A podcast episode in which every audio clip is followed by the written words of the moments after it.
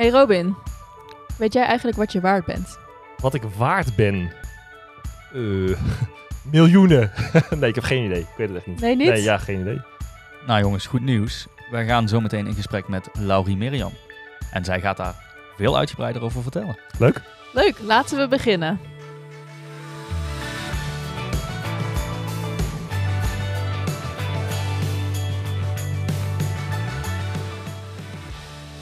Welkom, leuk dat je luistert of kijkt naar aflevering 32 uh, van Trouwfilms Ambacht, The Art of Selling Memories, de podcast voor trouwvideografen. Mijn naam is Nadesh en ik ben vandaag de host van deze aflevering. En ik ben samen vandaag met Robin. Hallo. Hallo, hallo. En met Brian. Hallo, hallo. En ook nog met een andere leuke gast. En vandaag gaan we het hebben over waarde bepalen. Nou jongens, Zitten we hebben er weer? zin in. Ik ben weer terug. Je bent weer terug. Het voelt alsof Je ik, bent terug. alsof ik eh, weer op vakantie ben geweest, maar dat is niet. Maar je was stiekem op vakantie volgens ik mij. was wel wel op vakantie. Je zei dat je ziek was, maar je was op vakantie. Ja. Nou, het was wel na mijn vakantie. Oké. Ja, Oei. Oké, ik was dus blijkbaar nog niet genoeg bijgekomen van eh, alles. Ik word weer ziek. Ehm, even kijken. Ja, we gaan het vandaag dus eh, hebben over waarde bepalen. En daar hebben we een eh, gast voor uitgenodigd, nam- namelijk Laurie Mirjam. Hallo Laurie. Hallo, leuk om hier te zijn. Wat leuk dat je er bent. Ja, ik vond het heel tof om eh, de uitnodiging te krijgen. Dus echt leuk dit zo. Ben Ja. benieuwd. Voordat we er volledig in duiken, beginnen we met onze nieuwsrubriek, waarbij we nieuwe ontwikkelingen of actualiteiten bespreken. Dit kan uiteindelijk van alles zijn: nieuwe keuzes die we hebben gemaakt of dingen die ons zijn opgevallen. Nou jongens, hoe is het met jullie verder?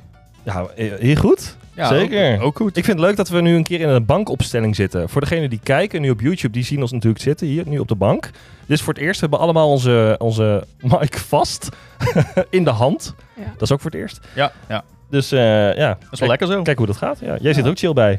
Ja, En hoe is het met jou? ja gaat Heb goed. jij, heb jij nieuws of actualiteiten? Ja, ik heb eh, eigenlijk hebben we het hier wel vaak over gehad over adverteren en zo. En zei ik, nou heb ik allemaal nooit gedaan, want dat is toch niet nodig, komen toch wel aanvragen binnen. Maar ik denk, goh, ik ga het toch een keer proberen. En daar is zeker ook best wat uitgerold. Adverteren. Ja, Hoeveel, hoeveel heb je er tegenaan gegooid en hoeveel heeft het opgebracht? Nou, echt nog dus helemaal niet veel. Ik begon eerst gewoon met 30 euro. Mhm. Nou, toen kreeg ik in het weekend, ik denk iets van 10 aanvragen binnen. Eh, dus ik denk, nou, nog een keer 10 euro en nog een keer 10 euro. Volgens mij totaal is van 75 euro aangegooid. Maar goed, het is dus nog steeds niet heel veel eigenlijk. Maar dat gaat al over andere bedragen dan waar Sabine het over had. Met Ja. die aflevering met, eh, Ja. met, met eh, Ja. Sap- Sapka. Ja, Want die had echt eh 300, 400 euro eh, een keer met een advertentie tegen. Of, of ge- ja. ja, gedaan. Ja. Ja. Ja. dat kan ook nog steeds. Maar ik merk ook qua, qua following en zo, het gaat echt een flink stuk omhoog dan dat je dat niet doet. Dus ik zou het zeker een keer proberen voor de luisteraars die denken, goh, laat het een keer doen. Gewoon doen. Het, het was het waard, is, Het de, is de eindconclusie. Ja. Voor Oké. 30 euro 10 aanvragen. Zeker waard. Dat is mij Ja. waard. Oké, dan gaan we nu echt door naar onze gast. Want Laurie! die zit hier niet voor niks. Yay! Laurie, hallo. Vertel, ehm, jij bent eh, ondernemerscoach en ook eigenlijk eerst was je meer een videograaf. Ja. Dus laten we vooral eerst vertellen van wie ben jij, hoe, hoe, hoe- ja, hoe ben Ja. je videografie gaan doen? Brandlos. Ja, nee, ik ben dus ondernemerscoach voor foto- en videograaf ook echt specifiek. Dat zeg ik er altijd bij. Omdat ik dus inderdaad van origine eh, gewoon hartstikke videograaf ben. En nog steeds ook, dus ik film ook nog steeds. Eh, ik ben fotografie op een gegeven moment erbij gaan doen. Maar videografie is wel mijn eerste liefde en heeft altijd een speciaal plekje in mijn hart. Ehm, ja, en ik ben in 2016 zeg maar officieel begonnen dan. Toen was ik op het punt dat ik dacht, oké, er komen best wel veel mensen die wat willen. En ik ben het allemaal nog zwart aan het doen. Kan dit wel? Of kom ik dan in de problemen met de belasting niet? Nou, ik denk de vragen die iedereen heeft als je bedrijf begint te lopen en je denkt, moet ik nou naar de KVK? Nou, dat was dus in 2016 en toen heb ik me daar ingeschreven. En sindsdien eigenlijk nooit meer, eh, nooit meer teruggekeken. En eh, dat ging best wel snel heel hard. Ehm, dus dat was super fijn. Eh, lang verhaal kort, na een jaar of drie, vier heel hard werken in een burn-out geraakt. En eh, dat heeft heel veel op zijn kop ook weer gezet. Ja. En toen besloten om dingen anders aan te gaan pakken. Een aantal jaar geleden coaching erbij gedaan, omdat ik zag dat waar ik tegenaan liep, heel veel andere foto- en videografen ook tegenaan liepen. En nu ben ik hier, dus ik doe deels nog foto- en videografie. Maar dat is voor mij nu wel echt op de tweede plek komen te staan, omdat de coaching eh, ja, gewoon best wel heel goed gaat en Mhm. daar eh, veel mensen wat aan hebben. Dus voor mezelf echt bewust de keuze gemaakt om daar nu meer tijd in te steken. Ja, en in eh 2016 begon je. Heb je daarvoor een studie gedaan? Of Ik heb journalistiek gestudeerd. Ja. Dus wel iets in die richting. Ik heb daar niet per se leren filmen, maar ik heb wel een, eh, een stage gelopen. En daarin was wel echt bij een videoproductiebedrijf Ja. heel bewust daarvoor gekozen. Mijn journalistieke opleiding vond dat ik niet journalistiek genoeg was. omdat ik dus heel erg eh, ook zoiets had van, ja, weet je, je moet ook gewoon goed kunnen filmen. We kunnen het constant over de inhoud hebben. Maar als jij die inhoud op beeld niet over kan brengen, dan heb je niks. Dus Ja. ik heb daar ook echt mijn scriptie op, op gedaan toen. Eh, dus wel heel erg bezig met beeld al. Je was heel conceptueel, bedoel je? Of Nou, ik weet niet eens of het per se conceptueel was, maar wel, het ging bij journalistiek eigenlijk altijd over inhoud, het verhalende. Dat neem ik nu dus in mijn video's natuurlijk ook altijd mee. Dat is voor mij een heel sterk punt geworden in mijn video's. Ehm, maar er werd nooit gefocust op hoe zorg je dan dat wat je hoort, dat je dat in beeld ook goed ziet. Dus bij journalistiek is het steeds normaler dat bijvoorbeeld een cameo, dat iemand zelf en interviewt en filmt en foto's maakt, we- we- vanwege tijd, geld, et cetera.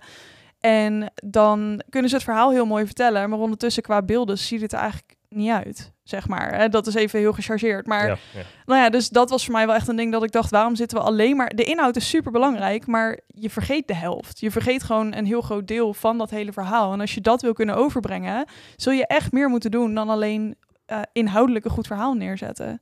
Ja. Ja. En hoe is dan, hoe ben jij in die bruiloften gerold? Want iedereen heeft altijd vaak, ja, iemand die ik dan kende of zo. Of hoe, wat, wat was jouw eerste bruiloft? Nou ja, kijk, als klein meisje was mijn grote guilty pleasure was al Sissy met zulke jurken. Oh, ja. ja, dat is nog steeds een dingetje eh, is om toe te geven. Maar ehm, nee, ja, de, het was wel ergens, ik kende iemand die, maar het was voor mij wel altijd het doel. Ik wil heel graag bruiloften filmen en ik wil dat graag over de hele wereld doen. Ik wil alleen mijn laptop en mijn camera mee hoeven nemen en dan gewoon overal heen kunnen en eh, daar mijn werk doen. Dat was vanaf begin aan het idee wat ik had, wat ik heel graag wilde. En de eerste bruiloft die ik heb gefilmd, heb ik echt gesmeekt aan die mensen of ik alsjeblieft een bruiloft mocht filmen voor 200 euro. ja. Dus dat was echt, gewoon, weet je, ja, daar, daar begint het dan. Ja. Ehm, en dat, dat ging steeds verder. En op een gegeven moment had ik mijn eerste echte aanvraag. En die was dan 500 euro. Ja, en dat zo ging klim je dan- omhoog, inderdaad. Ja, Ja. dat herkennen we denk ik Het- allemaal het hier op herkende deze bank. Dat is echt heel standaard zo, Elke ja. keer een Altijd paar iedereen. honderdjes omhoog, weet je wel. Je, je kent ook niemand die vanaf het begin zegt... ik ben nu afgestudeerd, ik word trouwvideograaf. Nee. Die al gelijk, Nee. die- zonder ervaring, die gelijk zegt... dit ga ik als professioneel beroep doen. Niemand. dat was je het rolt bij er mij dus altijd er- in. Ja, dat wel. Maar het was bij mij dus wel het doel. Met dit is wel wat ik wil, zeg maar. Maar Ja. het is Ja, inderdaad, je moet er wel inrollen. Ja, precies. Ja. Ja, Ja, ja. je Ja. moet het ook aandurven, hè? dat moet je niet vergeten. Ja. Er zijn heel veel videografen die durven niet een bruiloft te doen, omdat ze bang zijn, omdat Ja. het maar één keer kan gebeuren. Ja. Ja. Ja. Ik, ik vond het vooral heel ongemakkelijk dat ik als man dan...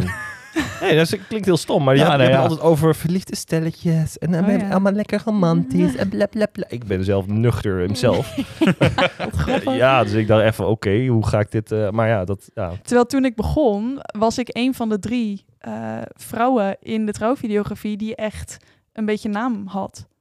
Toen waren er heel weinig vrouwen nog maar. Er Ja. zijn er nu veel meer. Ja, Ja. Maar nee, destijds klopt, waren ja, het echt ja. voornamelijk mannen. Nee, maar ik bedoel Ja. meer van gevoelsmatig Ja. vond ik dat een ding, zeg Ja. maar. Nou, het, is, ja. het is wel echt meer, nou ja, nu echt niet meer, maar toen ik begon in 2009, het was echt een mannenwereld, Ja. eerlijk gezegd. Het is nog steeds wel, maar het is de hele filmwereld. wij zijn wel Toch? een beetje aan het eh, komen. Ja. We nemen- precies, we nemen de boel even over.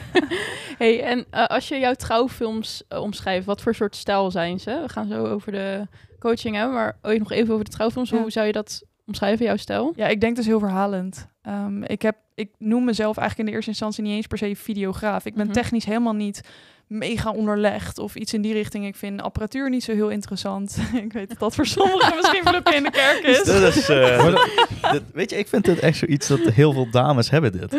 Ja. Wij mannen zijn veel meer bezig met al die, al die zooi, Al die gear en al zo. die keer en zo, en de technische dingen. En de dames die denken, we gaan gewoon filmen. Ja, ik denk Ja. dat je ook allebei je eigen kracht daarin hebt. Ik Ja. denk dat dat Ja. het mooie is, dat ieder, er is voor iedereen wat, zeg maar. En ik zie, in ieder geval bij mezelf en ook wel bij veel vrouwen, maar dat er... ehm, dat ik dus heel erg de focus leg op de emotie en close-up en dichterop. Mhm. En eh, dus dat verhalende erin, dat vind ik super interessant. Dus daarom heb ik ook dat ik denk, ik ben niet videograaf. Ik ben iemand die verhalen vertelt en ik heb toevallig een camera in mijn handen en daarmee doe ik dat. Dat is je middel, ja. Ja, Ja. zo voelt dat echt. En dan zit ik in de edit, ehm, kan ik er helemaal induiken. En helemaal, helemaal gewoon, ja, wat, wat, hoe wil ik dit dan naar voren brengen? En wat, wat voel ik bij die mensen? En wat zie ik bij ze? En hoe heb ik dat vastgelegd? En waar kan ik dat ten volste tot z'n recht brengen? En dat, eh, ja, resulteert denk ik in andere films dan, dan je in ieder geval destijds veel zag. Nu zijn er wel meer die het zo doen. Ja. Maar destijds was dat wel anders. Ja. Ja, toen was jij natuurlijk nog best nieuw. En nu zie je vooral echt heel veel films, eigenlijk heel veel videografen die komen en zo een storyline in elkaar zetten. Ja. Super tof. Ehm, dan gaan we nu even over je andere, eigenlijk wat erbij gekomen is na, naast je trouwfilms. Ehm, dat is je ondernemerscoaching traject of eh één op één. Ja. Eh, dat is dus ontstaan eigenlijk na, na die burn-out. Toen ben je daar een beetje over na gaan denken. ja, ik had al wel een tijdje. Mijn ouders zijn allebei docenten. Mhm. En ik heb mijn hele leven geroepen: ik ga niet docent worden. Ik ga niet mensen dingen leren. Echt serieus. En ik was in 2017, geloof ik al, had ik een keer een basisworkshop gegeven over filmen en, en Ja. hoe je dat dan doet. Ehm, en toen merkte ik eigenlijk dat ik het hartstikke leuk vond om te doen. Dus het heeft Ja. een paar jaar geduurd voordat ik daar overheen was. Een soort van, Mhm. oké, misschien moet ik gewoon aan de kant zetten dat ik mensen niet iets wil leren. Ehm, en ik merkte gewoon steeds meer eh, wat er bij mij gebeurde na mijn burn-out. En dat ik dacht, er moet iets anders. Want ik heb mezelf zo de grond ingewerkt. Ik heb zoveel te weinig geld voor mijn video's gevraagd, waardoor ik er veel te veel moest aannemen. Dat is niet haalbaar. Mhm. Hoe kan ik dit dan anders gaan doen? Nou, prijzen omhoog gegooid, communicatie aangepast. Dat is echt een hele zoektocht geweest.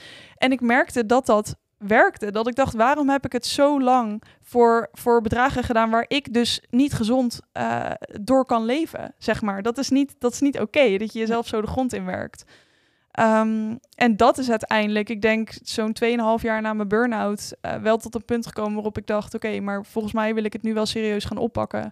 En ik liep er al veel langer dus mee in mijn Mhm. hoofd. Alleen ik heb het heel lang nog niet gedaan, omdat ik ja, te spannend vond. Of ik weet ook niet precies waarom, maar ja, dat heeft wel echt even geduurd. Wa- wa- Was, je, was jouw burn-out gerelateerd aan het videovak? Of was dat door externe factoren? Nee, er komen natuurlijk altijd meerdere dingen bij elkaar. Tuurlijk. tuurlijk ja. Ehm, Maar het uitte zich bij mij heel erg in mijn werk. Dus ik was gewoon, Mhm. ik was alleen maar aan het werk op een gegeven moment. En daar had ik ook alle mogelijkheid voor. Want als je natuurlijk genoeg aanvragen krijgt en eh, je, je krijgt je, eh, bij wijze van spreken 2000 euro voor een trouwvideo waar ik dan nou ja, 40 uur aan totaal aan tijd insteek.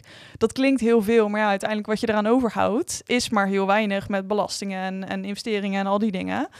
Ehm, ja, dat was, gewoon, dat was gewoon niet haalbaar en dat uitte zich dus heel erg in mijn werk. Dus er was op de achtergrond van alles inderdaad Mhm. ook aan de hand persoonlijk. Maar ondertussen was ik gewoon constant alleen maar tijd in mijn werk aan het steken. En daar had ik dus ook alle mogelijkheid voor. Ja. Ja, dat hield Ja. ik heel erg in stand.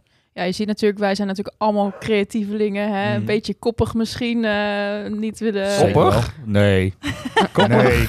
Ik, ik, Nooit. ja, ik moet zeggen, ik herken dit wel. Weet je, altijd werken. Ik herken dit wel. Ja. Dat is wel een dingetje. Ja, zeker dat, met een eh, parttime eh, baan erbij. eh, Ja, ja. En Dus, als je het eh, leuk vindt om te doen, dat is het hè. Als je het leuk Ja. vindt om te Mhm, doen, dat dan is ook blijf probleem. je gaan. Ja. gaan. Ja, en het is natuurlijk vanuit ons allemaal, hè, het is ook een hobby wat mensen doen. En dat krijg je natuurlijk vaak over, ja, maar ik vind het ook leuk om als hobby te doen. Ja. Dus je gaat gewoon filmen. Mm. Vakantie ook, filmen. Nou, die camera moet gewoon weg, ook al Mhm. heb ik zo'n vastlegdrang als het maar kan. Ehm, dus ja, dat is wel echt goed dat er nu inderdaad hè, iemand is die, zoals jij, mensen daarbij kan helpen. Ja. De passie, de passie voor het leren aan andere videografen en fotografen. Nou ja, ook het stukje passie van dat je als foto- en videograaf dus constant maar doorgaat. Ja, Daar zit, daar zit een, een soort oordeel naar jezelf over. Wat jij net ook zei, ik vind het leuk om te doen, dus ik mag niet zeuren. Mhm. Ik moet vooral heel veel werken. Ik moet, weet je, omdat ik het zo leuk vind, moet ik gewoon niet zeuren. En dat, dat is zo'n kromme gedachtegang, want dat zorgt er dus voor dat je jezelf uiteindelijk in de visieuze cirkel helemaal naar beneden werkt. Ja. Die uiteindelijk niet helpend is. En dit zie je bij iedereen die een aantal jaar in het vak zit. Hè, bij de ene is het tien jaar, bij de ander vijf, bij de volgende vijftien. Ehm, maar uiteindelijk zie je dit bij iedereen. Dat ze zeggen, oké, maar dit gaat dus niet. Constant maar avonden doorwerken, constant maar alle weekenden eh, werken, nooit ergens bij aanwezig kunnen zijn, eh, heel vaak te veel doen. Maar ik vind het zo leuk. Ja. En dat is echt een gedachte waar ik eh, heel erg voor sta om die, om die te veranderen. Want dat is niet, je mag het leuk vinden en nog steeds goed geld ermee verdienen en nog steeds gewoon je avonden vrij hebben en je weekenden, tenzij je natuurlijk een bruiloft hebt, ehm, gewoon je eigen ding doen en je privéleven hebben.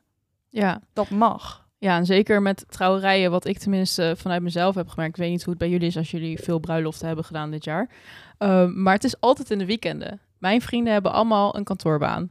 alle sociale activiteiten waren in het weekend. En ik kwam op een gegeven moment in een september terecht, waar ik dus nou juni, juli, augustus eh doorge Ja.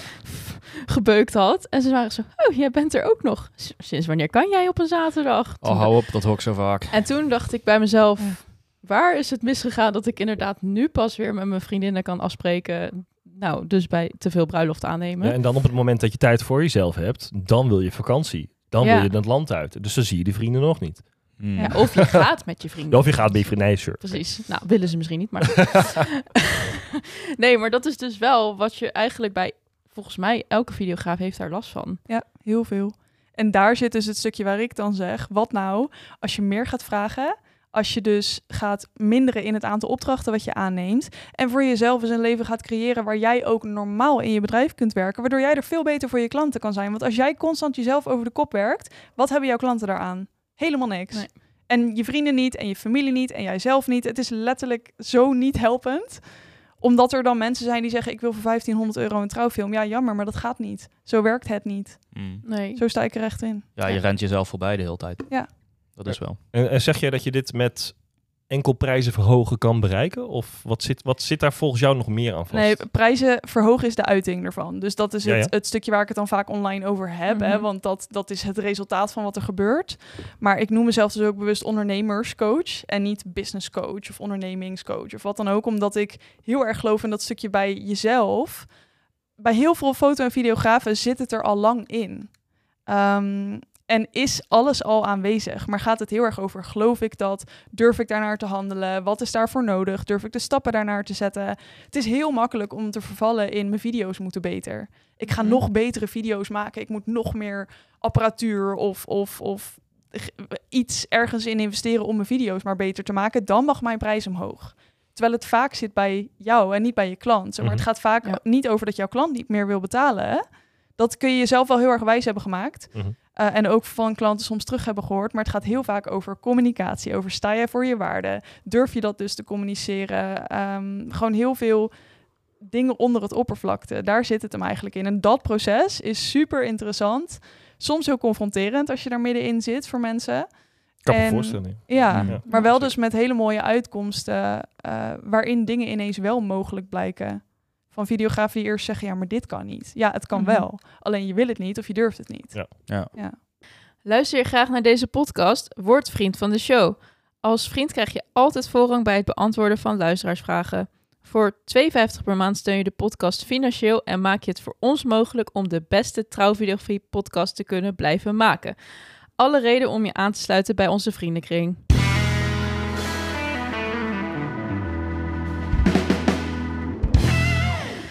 We waren net al een beetje in het onderwerp eh, over waardes bepalen, maar we gaan er nog even ietsje dieper op in. Ehm, ik vind dit zelf namelijk ook altijd, nou, ik heb het altijd moeilijk gevonden. We hadden het net al, als je begint, eh, hoeveel ga je vragen? Ehm, dus nou, ik ben wel eigenlijk benieuwd, wat, wat, wat is waarde eigenlijk? Wie kan mij hier de definitie van waarde geven? Ik heb hem opgezocht aan de dikke van Dalen. Ja, Zal ik hem erbij pakken? pak hem erbij. Pak er maar bij, zou ik zeggen. Ik, ik heb er eentje uit de beleggingswereld. Oh jee. Maar willen wij dat weten? Nou ja, ik, denk, ik zeg denk- het eens. ik denk, ik- door. nee, maar ik denk dat die hier ook wat van toepassing is. ja, Want eh, daar heb je een, een beroemde eh, belegger, Warren Buffett. En die zegt altijd, price is what you pay, value is what you get. Mm. Hmm. Dus prijs is wat je betaalt, Ja. de waarde is wat je ervoor terugkrijgt. ja. Dus ongeacht wat je betaalt, gaat het meer om wat je ervoor terugkrijgt. Ja. Dus wat zit er voor jou in? ja. Dit Ja, is mooi. zo waar. Dit is Ja. gewoon precies Zo, in ons vak, toch? Ik heb hem niet voorbereid. Hij rolt er gewoon Hij uit. rolt er gewoon uit. Ja, Maar dit is maar kern. het is wel de kern. Het wel. Dit is de kern. Ja, Ja. ja. Dit Maar wat waar had, de- wat had jij in de dik vandaag? Sorry. Ja, die is al je- lang niet meer zo boeiend. Oh, maar sorry. ik, heb, ehm, ik had hier gevonden betekenis in het economisch verkeer als ruilmiddel eh, dat wat iets aan geld kan opbrengen.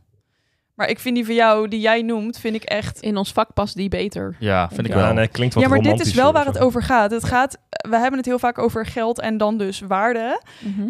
Zonder ons te beseffen wat voor waarde we leveren. Want je bent, als het even gaat over bruiloften, je bent op iemands een van de grootste dagen in hun leven aanwezig. Even serieus. En dat leg je vast voor de rest van hun leven.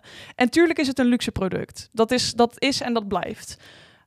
Maar de, eh, nou ja, dus de waarde die jij levert, de tijd die jij daarin steekt, hetgene wat zij de rest van hun leven mee kunnen nemen, dat is heel veel waard. En daar zitten wij dus heel vaak. De eerste opdracht die ik meegeef als het over waarde gaat, is vaak: ga eens je, je grootste of je favoriete pakket erbij pakken, wat je het vaakste boekt. Kijk hoeveel uur daarin zit. En niet alleen in, jij weet hè, want je was Ja, al in oké. masterclass. daar, daar heb ik even drie uur van moeten bijkomen Ik, toen ik dat eh, had Ja. gedaan. Ja. Ja. Ga alleen in uren al eens kijken wat je daaraan Ja. overhoudt. En dan schrikken mensen al vaak. Want dan komen ze soms zelfs op bedragen van 10 euro per uur. Soms 35, soms 75. Maar de Ja. mensen die 75 euro per uur komen... zijn vaak mensen die dan dus al 10 jaar bezig zijn. Ik kan je vertellen, als jij 10 jaar bezig bent... is 75 euro per uur niet zoveel. Ehm, nu komt de...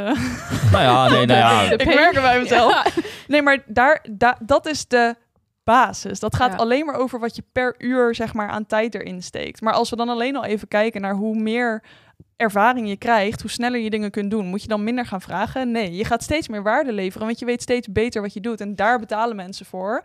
En daar ben ik dus heel erg van, ga dat dan communiceren. Ga kijken, waar zit mijn waarde? Wat is het wat mijn klanten zoeken, wat ze willen, wat ze verlangen?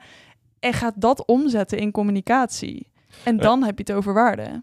Eh, eh, je, hebt het ook, nou, dit, wat, je, wat je nu allemaal zegt, ehm, op, vanaf wanneer in, jou, in, in, in jouw, jouw cliënten, klant, ik weet niet hoe je ze noemt, maar of, Mhm. eh, eh, Klanten, ja. vanaf wanneer eh, is het voor hun toepasbaar dat ze vanuit die hoek kunnen gaan rekenen? Want als je bijvoorbeeld een beginnende videograaf hebt, die bijvoorbeeld start met 200 euro, hè, waar we het net ook over hadden, Ja. je begint ergens en dan Ja. bouw je uit en dan bouw je op. Mhm. Vanaf wanneer zit het moment dat je denkt, nou moet je echt een beetje bij jezelf gaan kijken en ben je bij mijn traject eventueel welkom? Of wie is een beetje jouw doelgroep? Kan je daar iets over vertellen? Mijn doelgroep, ik heb eigenlijk drie lagen in mijn aanbod. Dus ik heb mijn, mijn één op één. Dat zijn dus de mensen die echt nou ja, vanaf de 60.000 per jaar omzet zeg maar draaien. En waarvan ik ook, eh, zij zelf graag meer willen, maar waarvan ik dus ook kan zien, hé, hey, er is echt veel perspectief. Laten we samen hier vol voor gaan. Dat is de één op één. Die is best wel, daar neem ik alleen de mensen in aan waarvan ik denk, ja, wij moeten echt gewoon, Mhm. weet je wel, dat. Ehm, de mastermind zit daaronder. Dat is meer groepstraject. En dat zit tussen de nou ja, 30 en 50, 60.000 euro omzet. Als je daarop zit, dat zijn vaak mensen. Zoals Nadesha, we hebben het erover. Ja, dat Ja. Is, eh, maar je bent een heel mooi voorbeeld daarin, denk ik. Ehm ja, agenda zit heel erg vol. Eh, ja, je krijgt genoeg aanvragen. Qua prijs heb je zoiets van, oeh, dit vind ik heel spannend. En daar zit vaak die spanning met, oké, ik heb, dit is gewoon marktwerking. Ik heb minder aanbod dan dat ik aanvraag krijg. Dus kan de prijs omhoog. En dat is vaak al een hele simpele. Op het moment dat je dus veel te druk bent, je hebt te veel aanvragen en je bent jezelf over de kop aan het werken, dat is eigenlijk vaak het moment Mhm. waar het in ieder geval al omhoog moet. Zeker. Dus, Ja. nou ja, en, en eh, de laag eronder is voor mensen die echt beginnend zijn of die al tien jaar bezig zijn, maar niet voorbij de 30.000 euro omzet komen. En dan gaat het dus heel erg over wat vraag je per uur. Hè? Gaan we, laten we daar gewoon eens mee beginnen bij de basis. Wat zou je eigenlijk moeten vragen? En iedereen heeft natuurlijk een opstartfase. Iedereen, weet je. Ik ben, Ja. wat ik ook zei, ik ben ook begonnen met 200 euro.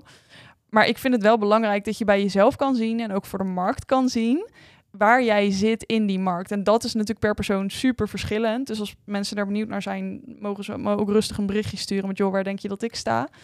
Ehm, ja, en dan eh, daar, daar begint het dan in principe. Maar het is wel interessant dat je categoriseert op basis van Ja. bruto jarenkomen, zeg Ja. maar. Ja. Of, eh, of Ja. netto, weet ik veel. Maar, Ja.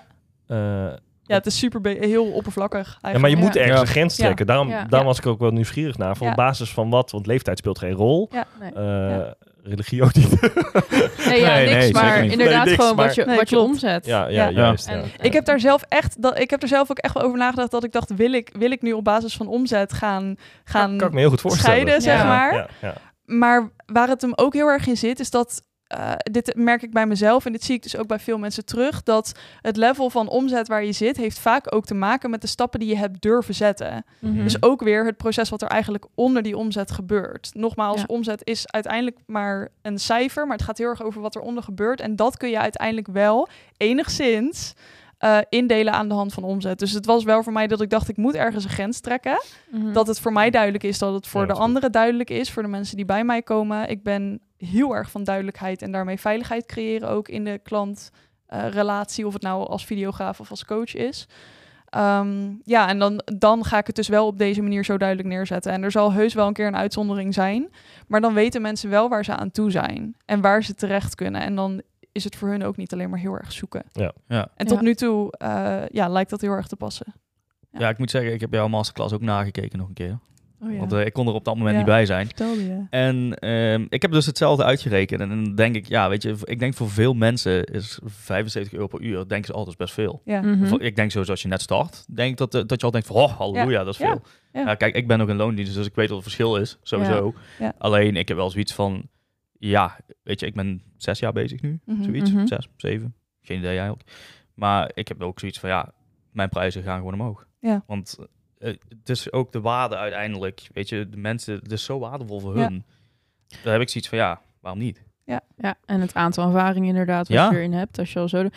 En jij krijgt je aanvraag ook gewoon binnen. Ja, ik heb eh, volgens mij meer dan 15 aanvragen doorgezet naar jullie al. Alleen al gewoon omdat Ja. ik zelf al vol zit. Ja, weet je. En eh, jij hebt natuurlijk nog een loon, eh, loondienstbaan Ja. daarnaast. Dat is ook nog een, een ding. Mijn missie is daadwerkelijk om eh, niet alleen videografenland en fotografenland, Mm. maar ook de klanten te laten beseffen. Je kunt niet voor heel weinig. Natuurlijk kun je er andere afspraken. En er is altijd iemand die Mhm. in de schuldsanering zit en die het echt niet kan betalen. Dat is wat anders. Maar besef je dat als jij denkt, ja, maar ik heb een loondienstbaan, ik zeg, dat doe jij niet hoor, maar er zijn mensen die dan denken, ik heb een loondienstbaan, ik heb het allemaal niet zo heel erg nodig, dus ik kan wel Mm. fijne prijsjes vragen. Je helpt de markt omlaag, je helpt je collega's Ja, er niet zeker. mee. Ja. Want je collega's denken vervolgens, ja, maar zij doet het voor minder. Ja, dan moet ik ook maar. En dan moet die zich wel Ja. over de kop gaan zitten werken, want die doet het wel fulltime voor de bedrijf. Kijk, ik ben wel van mening, eh, je kwaliteit moet er natuurlijk wel na zijn. Absoluut. Als jij een bepaald bedrag Mhm. wil vragen. Ja. Want realistisch gezien op YouTube staat genoeg dat je denkt bij jezelf, ja. Ja. Hè, het krijgt ook nog veel views dan. Of ik dan echt het halle raadste Nou, van. ja. Maar, ja. Daar valt ook wat voor te zeggen. Ja. eh, absoluut moet je, moet je kwaliteit er naar zijn. Echter, 99% van de beeldmakers onderschat zichzelf. Mhm. Het gebeurt bijna niet. Ik heb bijna geen mensen gezien waarvan ik dacht... nou, jij vraagt wel echt te veel geld voor wat je levert. Mhm. Het, meestal is het andersom. En er is altijd in de markt iemand te vinden... die zoekt wat jij biedt voor de prijs die jij vraagt. Ja. Dus zelfs, ik heb het serieus wel eens gehad... dat ik door een weddingplanner werd gevraagd... ehm, voor een best wel een grote bruiloft. En dat ze zei van, joh, er is nog één andere partij in beeld. En ik dacht heel egoïstisch. Ik zag die andere partij en ik dacht, nou, kat in bakkie. Die is Ja. binnen. En ze, ze zijn voor die ander gegaan. En ik, het was echt, het is technisch gezien, echt niet goed. Ja. Dus ik vroeg aan haar, het heel erg, hè, ik, ik leg hier echt, echt even mijn... Ja, hoor. nee, nee, leg het op tafel, maar goed. We hebben, is we, hebben maar is- duizenden volgers, joh. Het maakt hem niet uit. Nee, grapje. Nee, ja, maar dat ik, dus, dat ik dus aan haar vroeg uiteindelijk van... joh, heeft het dan te maken met prijs? Weet je wel, zijn ze voor hun gegaan omdat ze minder vragen? Nee, nee, ze vragen niet minder. Nee, ja, ze vonden dat gewoon mooier.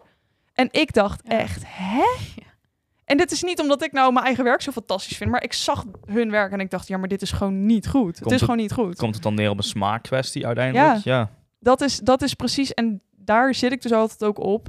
Vind je doelgroep, vind de Ja. mensen die willen betalen voor wat jij hen te bieden hebt, want dan gaat het over waarde. Mhm. Dat zij jou zien en dat ze denken, dit moet ik hebben. En het maakt me niet uit wat ik daarvoor moet betalen. Ja, ik, vind, ik vond het ook mooi wat je net zei. Is van, ehm, hè, als videograaf zijnde, wij willen altijd ons werk verbeteren. Het moet beter. Die, Ja. die mentaliteit die heb ik zelf ook. Ik vind Ja. mijn werk moet altijd beter. Ja. Weet je, en ook, ik heb dit nodig, ik heb dat nodig. Uiteindelijk, die klant geeft er helemaal niks om. Nee. Die wil gewoon een film van die dag, een verhaal verteld hebben in die film. En die willen gewoon terug kunnen kijken voor de komende 50, 60 jaar als het even Mhm. kan. En ja, Maar het is precies waar wij het de vorige Ja, aflevering over hadden met die wedding content creators. Dat dat Ja. nu ook zo'n trend is die Ja. overwaait. En eh, dan moet je even de, la- de vorige Ja. aflevering even luisteren als je daar meer over wil weten. Maar eh, heel kort is dat gewoon, ja, het zijn gewoon Ja. mensen die komen met een telefoontje lekker uh, Insta-trendjes Ja. maken. En, eh, weet gaat over waarde. Ja. precies, ja, precies. ja, ja. Ja. nee, maar dus, voor mij is dit ook gewoon een realisatiepuntje van ja, je moet meer staan voor je waarde. Ja, en neer. tuurlijk wil je je werk verbeteren. Dat is ook mooi. Ja. En weet je, je hebt passie voor je werk. Tuurlijk wil je dat verbeteren. Maar laat het niet een excuus worden. Hè? Mm. Of een zelfsabotage. Zo van, nou, ik ga eerst gewoon lekker aan mijn werk zeg maar, beter maken. Want dan hoef Mhm. ik mijn prijzen niet te verhogen. Dan wordt Ja. het een excuus. En dan ga Ja. je het gebruiken als excuus om maar niet meer voor je waarde te hoeven gaan staan. En dan zit er een heel interessant persoonlijk proces achter. Mm. Maar ik werk dus wel alleen met de mensen die zeggen, ja, maar ik wil wel omhoog. Ja, nee, zeker. Als je niet wil, ja, dan... Heeft het gezien. Nee, dan ga ik Geen trekken aan zin. een dood paard. Ja. Ja, Nee, precies, maar dat, Ja. dat kost jou tijd, kost jou ook geld. Zo Ja. simpel Ja. is het. zeker. Ja. Hey, heb, jij, heb jij inzicht in ehm, wat ongeveer de gemiddelde, een beetje vage statistische vraag dit, misschien helemaal niet interessant, maar ik vind het interessant. Ik ben benieuwd. Ja, nee, maar heb je enigszins inzicht in wat de eh uit te geven budgetten zijn voor eh bruidsparen in Nederland? Eh, of voor mij, nou, laten we even op Nederland eh, uitgaan. Mhm. Eh, wat ze ongeveer gemiddeld te besteden hebben of willen besteden aan videograaf. Videograaf weet ik niet. Bruiloft weet ik wel. Dat zit rond de 16.000 gemiddeld. En je kan ervan uitgaan dat ergens tussen de 10 en 20 procent vaak aan video eh, wordt uitgegeven. Verschilt dus heel erg per persoon. De Mhm. een heeft er natuurlijk veel meer voor over dan de ander. Ehm, maar ja, dan zit je dus ergens tussen de 1600 en 3200 euro, zeg maar. Maar Ja, dat, Oké, maar op, op die manier, als je weet wat er speelt in jouw regio, in, in, jouw niche, als je Ja. jezelf in een bepaalde niche drukt van ik maak hele arty-farty films of hele eh Mhm. regis- gewoon registraties of wat dan ook. En je weet wat de, eh, ja, het, het uitgegeven bedrag is, perce- procentueel. mhm. Dus als je weet van, nou goed, ik, ongeveer 10% van het budget gaat naar Mhm. videograaf. Eh, in mijn regio is dat 20.000 euro. Dus dan weet ik, ik kan ongeveer rond die 2000 euro gaan zitten. Even heel, Ja. heel plat uitgerekend Ja. natuurlijk. Maar als je dus weet van, stel je gaat in Amsterdam, doe je de iets luxere, luxere eh, segmenten. Of je gaat eh, naar het lekker buitenland en je hebt eh, bruiloften van 50 of eh 50.000 euro of 100.000. Dan weet je dus al van, nou, kan je procentueel gezien natuurlijk ook veel meer voor vragen. absoluut. Ik, eh, ik kom meer vanuit de hoek, kijk eerst wat jij zelf graag wil. Dus ik ben niet zo van, oké, ik ga kijken wat er in de Nee, omgeving gebeurt. Dat had ik al Mhm. verwacht. Ja, ja. Daarom zei ik al van, nou, ik weet niet zo precies. ja. Ja, maar ik probeer, Ja. ik probeer misschien iets meer ook eh, handvaten te geven, ook voor de luisteraar, van Ja. eh, hoe, hoe je het nog meer kan zoeken, zeg maar. Ja. Of, of om het iets, ehm, Ja. iets ehm, hoe zeg je dat? Waar je wilt zijn of zo? tastbaarder te tastbaarder te maken. maken. Ja, dankjewel. Ja. Ja. Ik denk dat dit precies is waar ehm, sommige van de mensen, ook mijn klanten, tegenaan lopen, die van tevoren heel erg zoiets hebben van ik moet het kunnen vastpakken. Ik moet het kunnen snappen voordat ik de stap ga zetten. Ik moet Mhm. eerst weten wat de uitkomst is. Mhm. Ik moet eerst weten hoe het eruit gaat zien. En dan kan ik de stappen gaan zetten. Mijn ervaring is dus andersom. Dat ik begin bij, oké, maar wat vind ik belangrijk? Wat wil ik laten zien? En welke klant gaat daarvan aan, zeg maar? Welke klant vindt dat helemaal fantastisch? En een klant is in jouw geval dan een andere videograaf. Of- Eh, nee, Nee, sorry, dus toch? Bruidspaar, bruidspaar. sorry. Ja, ja, ja, ja, als we het even hebben over ik als videograaf, ja, zeg maar. ja.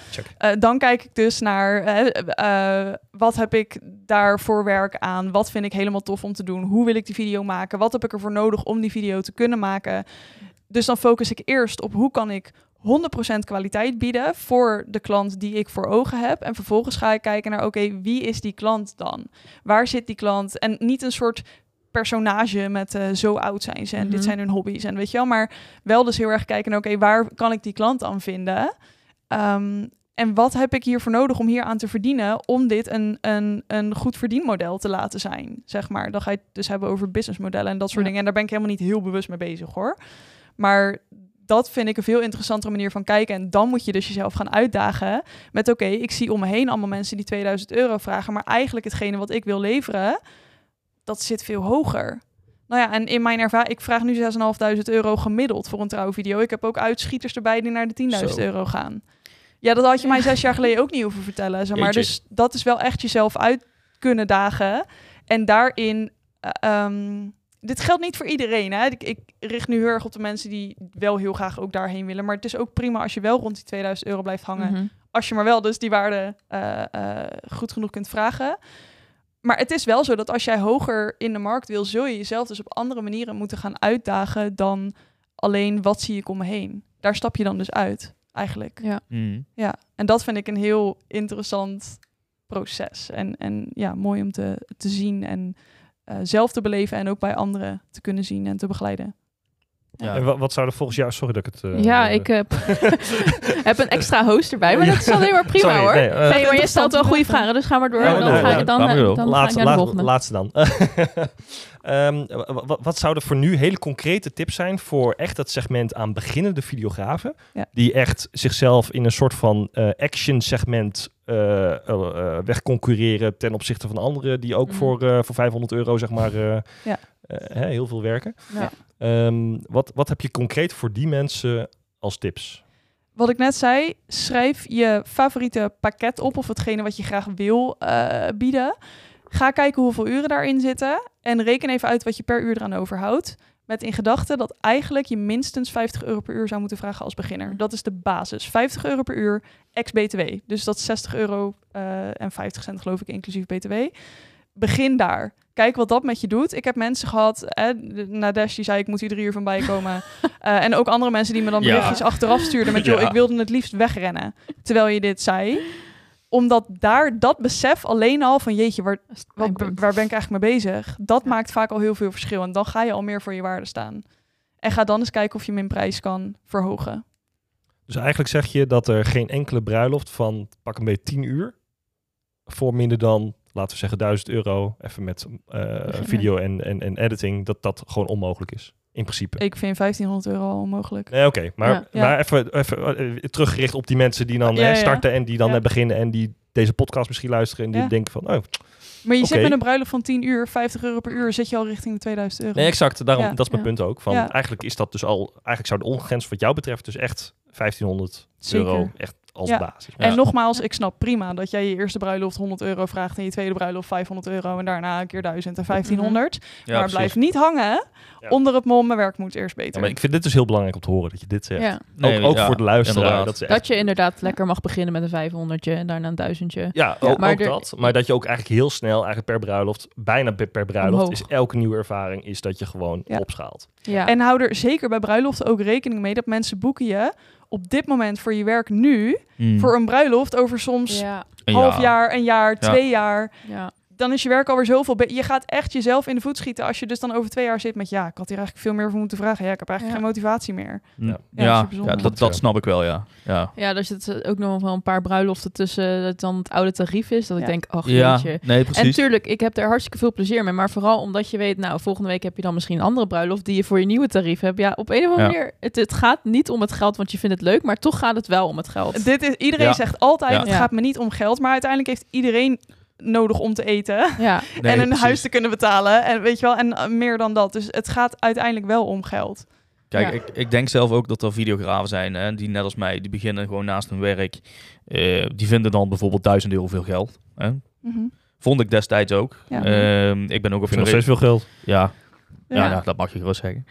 In principe 1000 euro is veel geld. Ja. Hè? Maar voor het werk wat wij leveren, de kwaliteit, de met waarde, apparatuur. apparatuur. eh, ja, weet je, uiteindelijk, ik heb toen ook een realisatiemomentje gehad. En toen had ik zoiets van, die, prijs moet omhoog. Mhm. En ik ben ook langzaam omhoog gegaan steeds.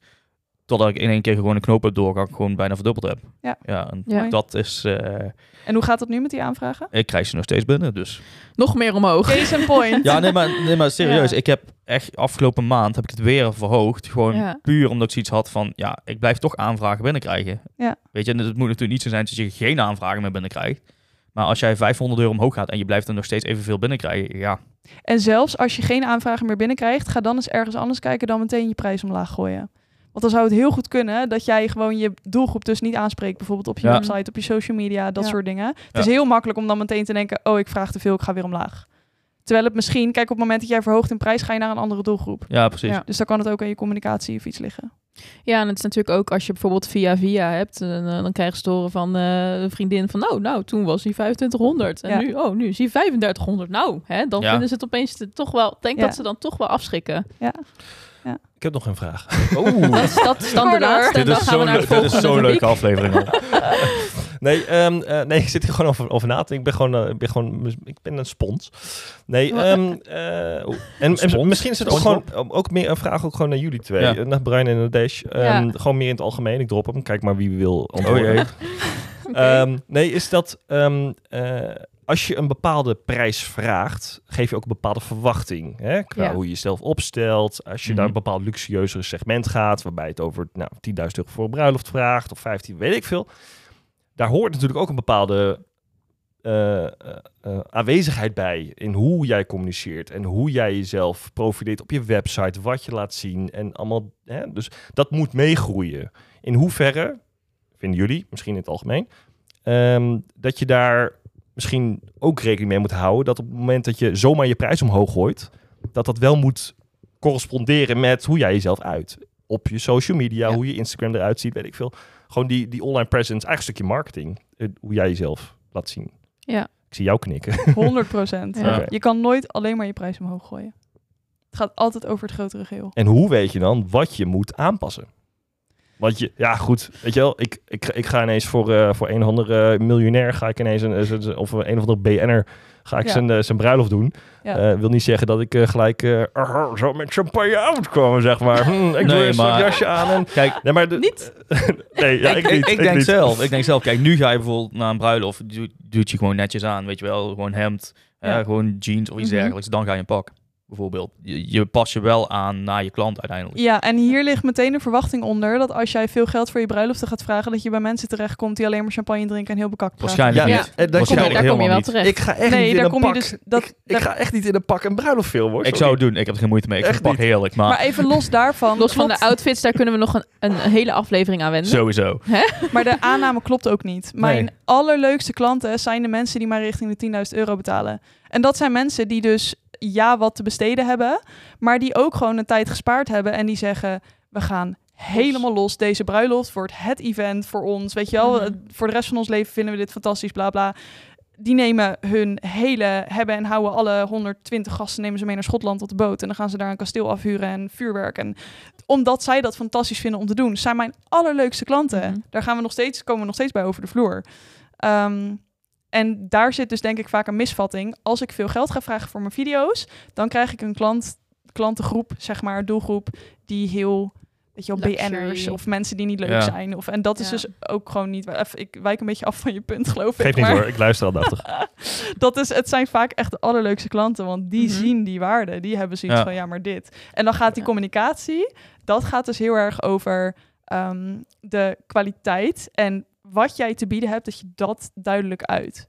En dat klopt inderdaad met, eh, je kunt niet alleen je prijs omhoog gooien. Het gaat over veel meer. En daar zit communicatie, is vaak een hele grote factor daarin. En dan word jij uitgedaagd als ondernemer, als videograaf, om te gaan staan voor wat je te bieden hebt. Vooral als ondernemer dan. Ook. En dat is Ja. heel spannend, want dan ga je ineens eigenlijk zeggen: jongens, ik weet wat ik doe en ik ben hier heel goed in. Ja. En dat vinden we allemaal Ja. spannend. Ja. Ja. Mm, Ja.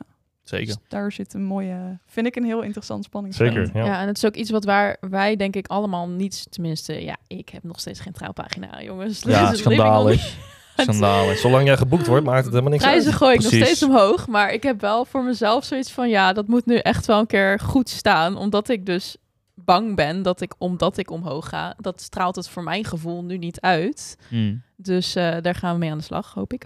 Eh, tijd voor maken. Niet hoop ik, gewoon doen. Gewoon doen. Heel goed. Heel goed. Dan gaan we nu ik moet door. mezelf ook een schobbel onder mijn kont geven. Ik wou zeggen, dat zegt Brian, hè? Ja, vertel mij wat.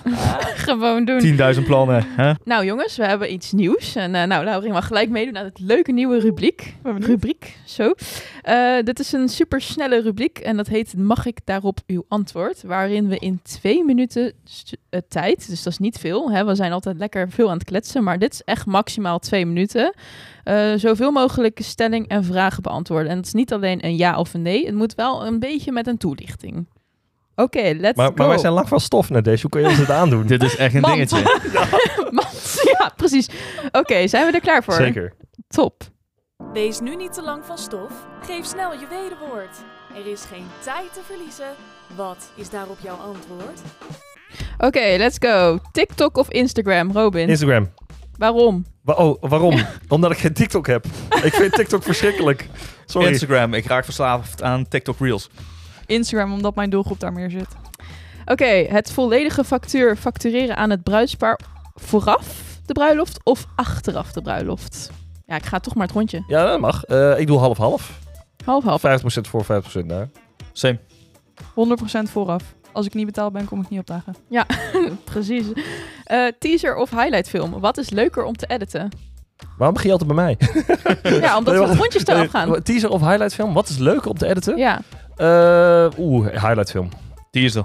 Teaser. Oké, dan gaan we nu even de andere ronde. Een taart eten op een bruiloft. Absoluut. Suikers in de middag. Ja, ik moet een beetje letten op, op de kilootjes. ik merk al dat ik anders ben dan de rest hier. Ik mis de taarten zo erg. Oké, eh, Wat eh, jij dan zelf? het is taart eten Taart, oké, ja precies. Ik moet zelf ook Ik antwoorden. sta altijd zo erachter, zo, oh, wanneer kan ik aanvallen? Nee. Ehm, Oké, dan gaan we nog door. Fotoshoot voor of na de ceremonie? Oh, maakt mij niet zo heel veel uit wat ze zelf fijn vinden. Voor. Ja, ligt aan de planning. Geen idee. Ja. Ja, het is maar net hoe ze het zelf doen. Ja, Precies, ja, als er ook een first look bij de ceremonie is, dan gaat dat ook niet. ja nee, Precies. exact. Ja. fair. Ja. Ehm, bruiloft op een zaterdag of op een vrijdag? Vrijdag, want dan kan ik het weekend nog bijkomen. Vrijdag, precies hetzelfde. Vrijdag, duidelijk. Ja, eh, was heel duidelijk. niet zaterdag? dan heb ik er nog één en dat is een kennismakingsgesprek online of fysiek. Altijd liever fysiek, maar online is wel handig om ook als optie te hebben. Online momenteel. Ja, liever fysiek, maar dat Ja. gaat, gaat niet altijd vanwege niet altijd. planning of, of drukte. Of, Nee, eh, precies. dus eh, dit is, het is wel de intentie. Oké. Nou, dat waren de stellingen, jongens. Voor mij is het trouwens ook online altijd. Wow, wat een timing, hè? Lekker. Zo, Lekker eh, hoor. Lekker. Was het precies twee minuten? Ik heb geen idee. Ja, ja die was er precies twee minuten. Oh, we hebben het wel mand gehouden, vond ik wel Ja, was, ik het, was, het was wel heel leuk. We kletsen normaal veel te veel, dus als je nagaat. Dit was dus de eerste keer dat we dit deden. Dus Nice. dat was even, eh, oké, hoe, Ik vind het echt leuk ook. Je moet echt een soort van... ja, Zo. hoe verhoudt dit? Oké.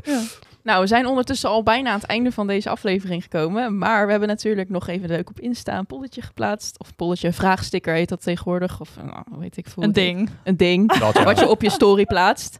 En eh, nou, daar hebben we een, eh, gevraagd of er vragen zijn voor Laurie. En die zijn er ook. Dus eh Leuk. superleuk. Eh, dus eh, die gaan we nu even behandelen. Ben benieuwd. De luisteraarsvragen. Oké, de eerste vraag is van eh Rin Captures. Eh, wat leuk. Nou, leuk, ja.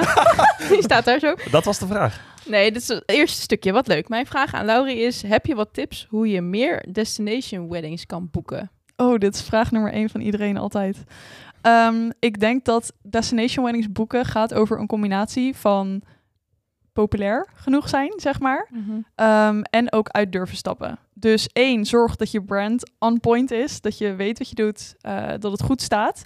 En dat je ook wel echt connecties legt met bijvoorbeeld weddingplanners of leveranciers die in Ja. het buitenland zitten. Heel veel mensen, überhaupt in het algemeen, maar destination weddings in specifiek, die gaan zitten wachten totdat ze een keer een destination wedding geboekt krijgen.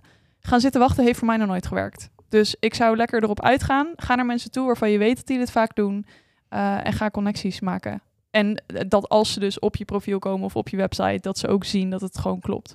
Vooral, Ja. vooral dat laatste. Ja. Je, je moet het ook kunnen aantonen dat je Dat je dat het, het, doet. het wil. En ja, dat je tot op het- zekere hoogte. Want als je geen, geen destination weddings hebt gehad, dan is dat natuurlijk ook eh, ingewikkeld Ja. om te laten zien. Maar wel dat je kan zien dat de kwaliteit er is. en Nee, maar ook dat je ervoor open staat om het te doen. Zeg Ja. maar. Ja. Dus dat je in ieder geval neerzet van... eh, available worldwide. Nou, Nou ja, wat- Weet je, ik, ik kan hier wel een toelichting op geven. Ik heb eh, twee jaar geleden besloten, ik wil een buitenlandse bruiloft doen. Ja, Ik zag een, aan, een oproep op Facebook. Ik heb gewoon meteen een bericht gestuurd. Ja. Eh, gelukkig die mensen vonden mijn werk mooi.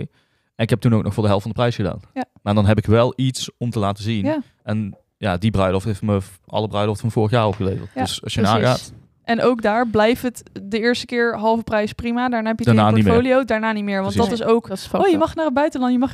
Destination weddings is zo hard werken. Ja. Dat is echt... echt. nou ja. Dat onderschat je zo Kun je erg. niet Dan denk je even lekker Ja. naar het Ja. buitenland, maar dat is eigenlijk helemaal niet zo heel Nee. lekker. Ja. Ik had inderdaad ook dat adverteren heb ik dus op de Italiaanse teaser gehad. Nou, dus Ja. drie aanvragen waren buitenland. Ja. lekker hè? Niet Dat is je- fijn? Kon niet meer. Daar groei je een beetje in op een gegeven moment. Ja, Ja. sowieso. Ja. Dus eh één kon ik wel trouwens. Die is nog, eh, hopelijk wordt die geaccepteerd. Ehm, dan heb ik vraag 2 en die is van Cheryl van Weert. Wat leuk, want daar heb ik laatst mee samengewerkt.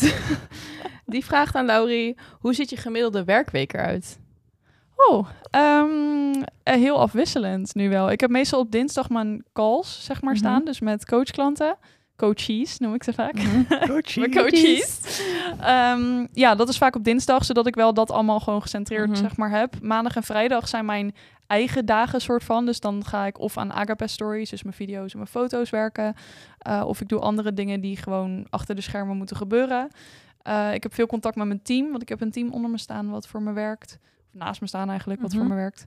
En eh, ja, verder varieert het heel erg. Dus dan zit ik nu ineens bij jullie in de podcast. En een andere keer eh, rij ik eh, ergens heen voor een opdracht om nog te filmen. En dan zit ik in Parijs met mijn klanten. Het is, dat maakt echt heel, heel Geen erg één uit. week is hetzelfde. Nee. Dat is eigenlijk als freelancer sowieso. Ja, misschien als je Ja. nu een beetje in je edit cave zit, hè, voor de Ja. luisteraars misschien. Dat is natuurlijk het hele leuke aan ondernemen. weet je. Ik heb zo echt naar mij Ik gekeken dacht, zo. ik dacht even dat je mij aankeek, maar je Nee. keek aan. Nee. ik voorbij. Ik, zit, ik zit momenteel in mijn edit cave. ik vroeg pas aan jou, waar loop je het grootste tegenaan op dit moment? En jij echt zo backlog. ja, ja, maar dat is ook echt gewoon zo. Maar dat is, dat, eerlijk, dat is wel mijn eigen schuld. Dat, daar ben ik eerlijk. Ik vind het te leuk om te doen. En ja, Ja. Deze, deze aflevering heeft weer veel verheldering eh, Ja. gegeven. Om Is het straks weer drie uur even... Bijkomen. zeggen. Eh, ja, ja, bijna wel. Nee, eh, Maar had jij vorig jaar ook geen grote backlog? ja, en het jaar daarvoor ook. Dus En volgens mij heb je al controle. Volgens mij heb je al controle over het aankomend jaar. Mhm. ja, ik heb al iets meer controle over het aankomend jaar. Dit is wel, laat Iets dit meer. voor jou ook even een wake-up call zijn. En voor mensen die zitten te luisteren. Als jij nu te druk bent, heb je nu iets aan... Zeg maar, als je dit seizoen uitgekomen bent met... Oh mijn aan. god, dit was heftig. Ze gaat aan. Dan heb je nu iets aan te passen. Help! Is, Nee, ik, eh, ik, eh, ik stem daar helemaal mee in. het is zo makkelijk om nu te zeggen... Oh, dat ga ik wel, dat ga ik nu Nee, wel nee, doen, nee. Uitstelgedrag is Nu, echt... nu doen. Want nu gaat je jaar voor volgend jaar bepaald worden. Dat doe je nu. Ja. En niet Ja. volgend jaar. Ik had een doelstelling. 13 bruiloften volgend jaar. Ik zit op 15. Dus. Ja. Maar dan is toch nu, ook maar even serieus. Dit kom ik dus ook vaak tegen. Dan is toch nu de. Dan, wat mij betreft zeg je dan nu, ik gooi mijn prijs keer twee. Want als ik geboekt, ik wil eigenlijk al niet eens meer geboekt worden. Ja. Is het. Laat Dat- staan als ik geboekt word, dan moet het dus gewoon echt ziek veel geld op. Ja, Dan- even, dit klinkt heel. Dan heb ik eh, één, argu- dan heb ik één argument om tegen in te brengen. Als jij je prijs nu keer 2 doet. mhm, ehm, stel, volgend jaar, je wordt bijna niet meer geboekt. mhm. Dan ga je zakken in prijs. Is dat geloofwaardig? Waarom ga je zakken in prijs? Waarom ga je dan niet kijken naar je communicatie? Oké, fair. Ja, daar, mo- dan Ja. moet het inderdaad Als dit je angst komen. is, dan denk ik echt, ja, gewoon doen. Oké. Ja. Oké. Oké. Oké. Ja, ja drie, drie uur bijkomen, jongens. Dat is, dat is duidelijk. Dat is duidelijk. Laten we door naar de... Nou ja, dit is eigenlijk geen vraag. Het is gewoon een leuke Oh. opmerking. Tenminste, van videograaf Joost is deze. Helaas heb ik geen vraag, maar wel een nieuwe podcast gevonden. En dan bedoelt hij jouw podcast. Nou, leuk. Ja.